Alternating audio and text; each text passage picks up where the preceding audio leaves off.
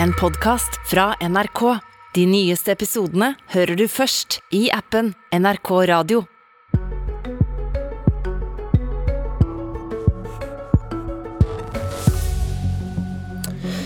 I dag trenger vi et jordbruksoppgjør som smell. Arbeiderpartiordføreren i Leka med en beskjed til egen regjering som ikke kan misforstås. Bøndenes krav om 11,5 milliarder kroner viser en arrogant holdning til resten av samfunnet. Unge Venstres leder Ane Breivik sparer heller ikke på kruttet. I dag blir en av dem skuffet. Det kan selvfølgelig skje at begge blir sånn halvfornøyd også. Vi vet klokka tolv. Da kommer statens tilbud til bøndene. Hvor mye vil regjeringen gi til å dekke økte utgifter når alt har blitt dyrere, og til å innfri løftet om å tette inntektsgapet mellom bonden og andre grupper? Elisabeth Helmersen, ordfører i Leka kommune i Trøndelag fra Arbeiderpartiet, god morgen. God morgen, god morgen. Du, på, på Trønderdebatt kunne vi se at du er en av 17 ordførere og varaordførere fra Arbeiderpartiet som har skrevet et brev til partiets representanter på Stortinget og i regjeringen, der dere krever at nå må partiet levere. Eh, men aller først, du, hvor viktig er jordbruket i din kommune? Ja, det er, det er, kjempeviktig. Eh, det er det som historisk har prega Leka kommune og mange andre Eh, distriktskommuner. Det er våre første industriarbeidere. Og uten et distriktslandbruk eh, som er oppe og står på ordentlig måte, så vil eh, denne historien skrives helt om. Hva er det dere krever av eget parti nå? Nei, Nå krever vi at for det første så må utgiftsøkningene kompenseres fullt ut. Eh, og så er det på tide å gi bøndene en god slump eh, på veien, eh, som bidrar til at man nærmer seg de øvrige gruppene i arbeidslivet. Det er særdeles viktig nå når bøndene Eh, jordbruket står på kne og venter på en god beskjed i, i dag. Når Bondelaget sjøl sier at det har aldri vært så viktig som nå å få et skikkelig godt oppgjør, så kan det begrunnes på flere forskjellige eh, måter. Det er en skjebnetid for eh, jordbruket der kostnadene har steget betydelig. Uh, og der uh, det man kan ta ut i det vi kaller lønn, er særdeles lite sammenlignet med andre grupper. Når en eh. samdrift på 450 tonn melk, som er et stort bruk, uh, tar ut 150 kroner i lønn per time, så sier det litt om at her er det nødvendig å tette et gap. Det skjer noe annet i dag også klokka ti kommer Norges Bank med svar på om renta skal opp. Og, dette kan kanskje bli like spennende å følge med på for norske bønder fremover som resultatet i jordbruksoppgjøret. For mange bønder har stor gjeld, og da biter økt rente. Og Helmersen, hva, hva sier du til advarslene fra din egen partileder om at renta kan gå opp hvis det brukes for mye penger i norsk økonomi? Ja, men det her går ikke an. Det går ikke an å være så kategorisk på de spørsmålene der, for det her er en sammensatt problemstilling. Nå har vi eh, antageligvis tusenvis av odelsgutter som sitter på gjerdet og ikke vet om de kan ta over eh, om det er grunnlag for å ta over eh, gården de har vokst opp på. Det er en yrkesgruppe, med respekt å melde, en yrkesgruppe eh, som er lavtlønna, og som nå må opp på et anstendig lønnsnivå. Eh, så eh, ja, eh, renta kan stige. Eh, men eh, det bøndene må få i oppgjør, må langt overstige en sånn utvikling. Hva har du oppnådd hvis en økning i renteutgifter blir større enn det man får i jordbruksoppgjøret, da? Nei, Da har man eh, oppnådd eh, lite. Men det kan langt på vei eh, styres, det òg. Og det å tro at renteøkninga vil komme i en sånn størrelsesorden, det skal vel godt gjøres. Men herre er, er, en dualisme som må fungere på flere forskjellige plan. Men bøndene kan ikke stå i knestående lenger, sånn som de gjør nå. Ok, Bør lærere og sykepleiere Vent litt. Bør, bør lærere og sykepleiere godta moderate oppgjør nå for å gi rom i økonomien for å satse på bøndene? Jeg, jeg har ikke lyst til å blande det inn i denne diskusjonen. Ok, det må kanskje noen andre blande inn, f.eks. regjeringen, eller kanskje deg, Anne Breivik. Velkommen. Takk. Du er leder i Unge Venstre. Du var ute i Nettavisen og sa at bøndenes krav om 11,5 milliarder kroner viser en arrogant holdning til resten av samfunnet. Hvordan da? Det er jo ikke nødvendigvis bøndenes feil akkurat dette, men uh, som ordføreren i Leka fint har illustrert, så er det jo slik at det har vært en kostnadsutvikling for bøndene. For de fleste andre selvstendige næringsdrivende, hvis man opplever økte kostnader, så vil man jo tatt det ut i å prise produktene sine høyere. Men i dag så har vi et svært statsstyrt landbrukssystem som medfører at eneste måten de kan ta dette ut, det er enten å øke målprisene, som det jo forhandles om i jordbruksoppgjøret, eller ved å få økte subsidier. Det førstnevnte går da over, illustreres jo da i matprisene som forbrukerne opplever når de drar på butikken. Sistnevnte illustreres over skatteseddelen. Og dessverre så er det jo slik at eh, som du nevnte, så er det også svært mange bønder som har høye lån. Eh, og de kommer til å oppleve konsekvensene av renteøkningene eh, veldig, veldig dramatisk. Men det er det også veldig mange forbrukere som kommer til å oppleve. Vi, og vi er i et år der eh, man både forventer svært mange renteøkninger, samtidig som vi har høye matvarepriser, vi har høye strømpriser. Eh, og jeg, jeg syns det blir usymbolsk hvis vår finansminister Trygve Slagsvold Vedum både skal eh, mane til moderasjon, fordi vi har et stramt budsjett. Vi har ikke plass til så veldig mange nye satsinger, nye utgifter. Og så samtidig skal dele ut milliardbeløp. Men hvor kommer arrogansen inn? Eh, det er ikke nødvendigvis bøndenes feil igjen, eh, men det er systemet sin feil. Og bare for å illustrere eh, hvor, hvor lite handlingsrom vi har akkurat nå.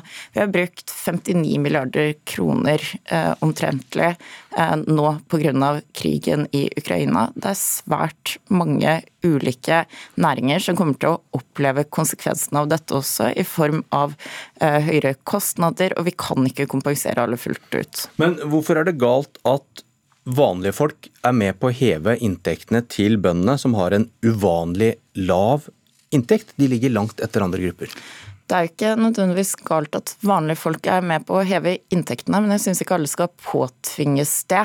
Og nå det, må jo... de, det må du vel da, hvis man skal finne penger, så må du ta som du sa over statsbudsjettet, eller at man må betale mer for maten. Ja, fordi det er slik vi har innrettet landbrukssystemet vårt i dag. Det er ikke markedsstyrt, det er statsstyrt. Og akkurat nå så ber man om 11,5 milliarder kroner. Det er på toppen av de 17 milliardene som vi overfører eh, hvert eneste år omtrentlig, eh, som kommer i tillegg til den indirekte subsidien eh, som importvernet vårt utgjør. Og Det medfører at norske forbrukere de har dårligere utvalg enn forbrukere i resten av Europa, og matvareprisene er også de høyeste i Europa. Og Det er veldig fint hvis norske forbrukere har lyst til å bidra til bøndenes inntektsutvikling og har lyst til å støtte gode norske kvalitetsprodukter, men jeg syns ikke at alle nødvendigvis må gjøre det. Ok, Du hørte, du hørte Helmersen her. Klokka tolv så får vi svaret. Hun ønsker at bøndenes eh, krav i, lang, eh, i stor utstrekning skal, skal svares ut på 11,5 milliard. Hva vil du gi? Nå spør du jo godt, men ved sist landbruksoppgjør så ga man jo rundt 900 millioner kroner. Nå er krav på 11,5 milliarder kroner. Jeg tror vi kan lande et eller annet sted midt mellom de to beløpene. Hva sier du til det, Helmersen? Jeg skal ikke spekulere i hvor mye som, eh, som tilbudet nå om noen timer går ut på. Eh, jeg har heller ikke sagt at, det, at, kravet bør innfris eh, fullt ut, men at man må gå en god bit på veien mot å eh, dekke opp inntektsgapet. Men det, argumentasjonen Breivik, som du fører, syns jeg ikke henger på grep. For på den ene sida så sier du at modellen som vi har i dag med landbruksoppgjøret, den er lite hensiktsmessig. Og du peker på markedet. Eh, og så er du bekymra for at forbrukerne får en del av denne regninga her. Men hva vil prisen på maten på bordet bli om det er markedet som skal styre det her? Det er det ene spørsmålet. Og det andre er eh, hvordan vil distriktslandbruket da se ut? Eh, det vil ikke være mange distrikt i Norge det da vil finnes bønder. Det vil bli et helt annet Norge enn det vi kjenner. Og skal vi ha bønder i hele Norge som produserer maten vi har på bordet, eh, eh, så må det jo skje i hele landet. Det er jo et poeng. Eh, og det er det, det skjebnetida nå, nå, handler om. Breivik, så jeg vil gjerne at du svarer på ja. ja, Da må Breivik få svare. Hvor mange bruk er det igjen i Norge med din landbrukspolitikk? Eh, for, det, for, å besvare det første spørsmålet, prisene ville jo vært lavere hvis vi styrte dette i større grad etter markedet og ikke etter statens beregning. Landbruket er et av de, det eneste eksempelet som jeg kan tenke på av planøkonomi som vi har igjen i Norge. Eh, for det andre, når det kommer til landbruk over hele landet, så er det jo ikke slik at noen tar til orde for legge ned landbruk eller utfase det i det hele tatt. Men vi kan jo innrette subsidiene våre annerledes også, samtidig som vi beveger oss vekk fra staten og over til markedet. Kanskje vi i større grad kan premiere klimavennlig drift, god dyrevelferd og også, um, også småbruk. Men, det er en måte vi kan innrette det på. Vi tåler en del færre bønder? Nei, det er jo ikke det jeg tar til orde for. Men jeg tar i hvert fall til orde for at norske bønder kan konkurrere på lik linje med alle andre næringsdrivende. Det er den modellen vi har for å bedrive næringsvirksomhet. Men i Norge så er det jo et paradoks at det ikke gjelder en gruppe selvstendig næringsdrivende, som nettopp er bøndene. Takk Anne Breivik. Takk Elisabeth Helmersen. Politisk kommentator i NRK Lars Nehru Sand, velkommen. Takk skal du ha. Hva vet du om det tilbudet som bøndene får i dag?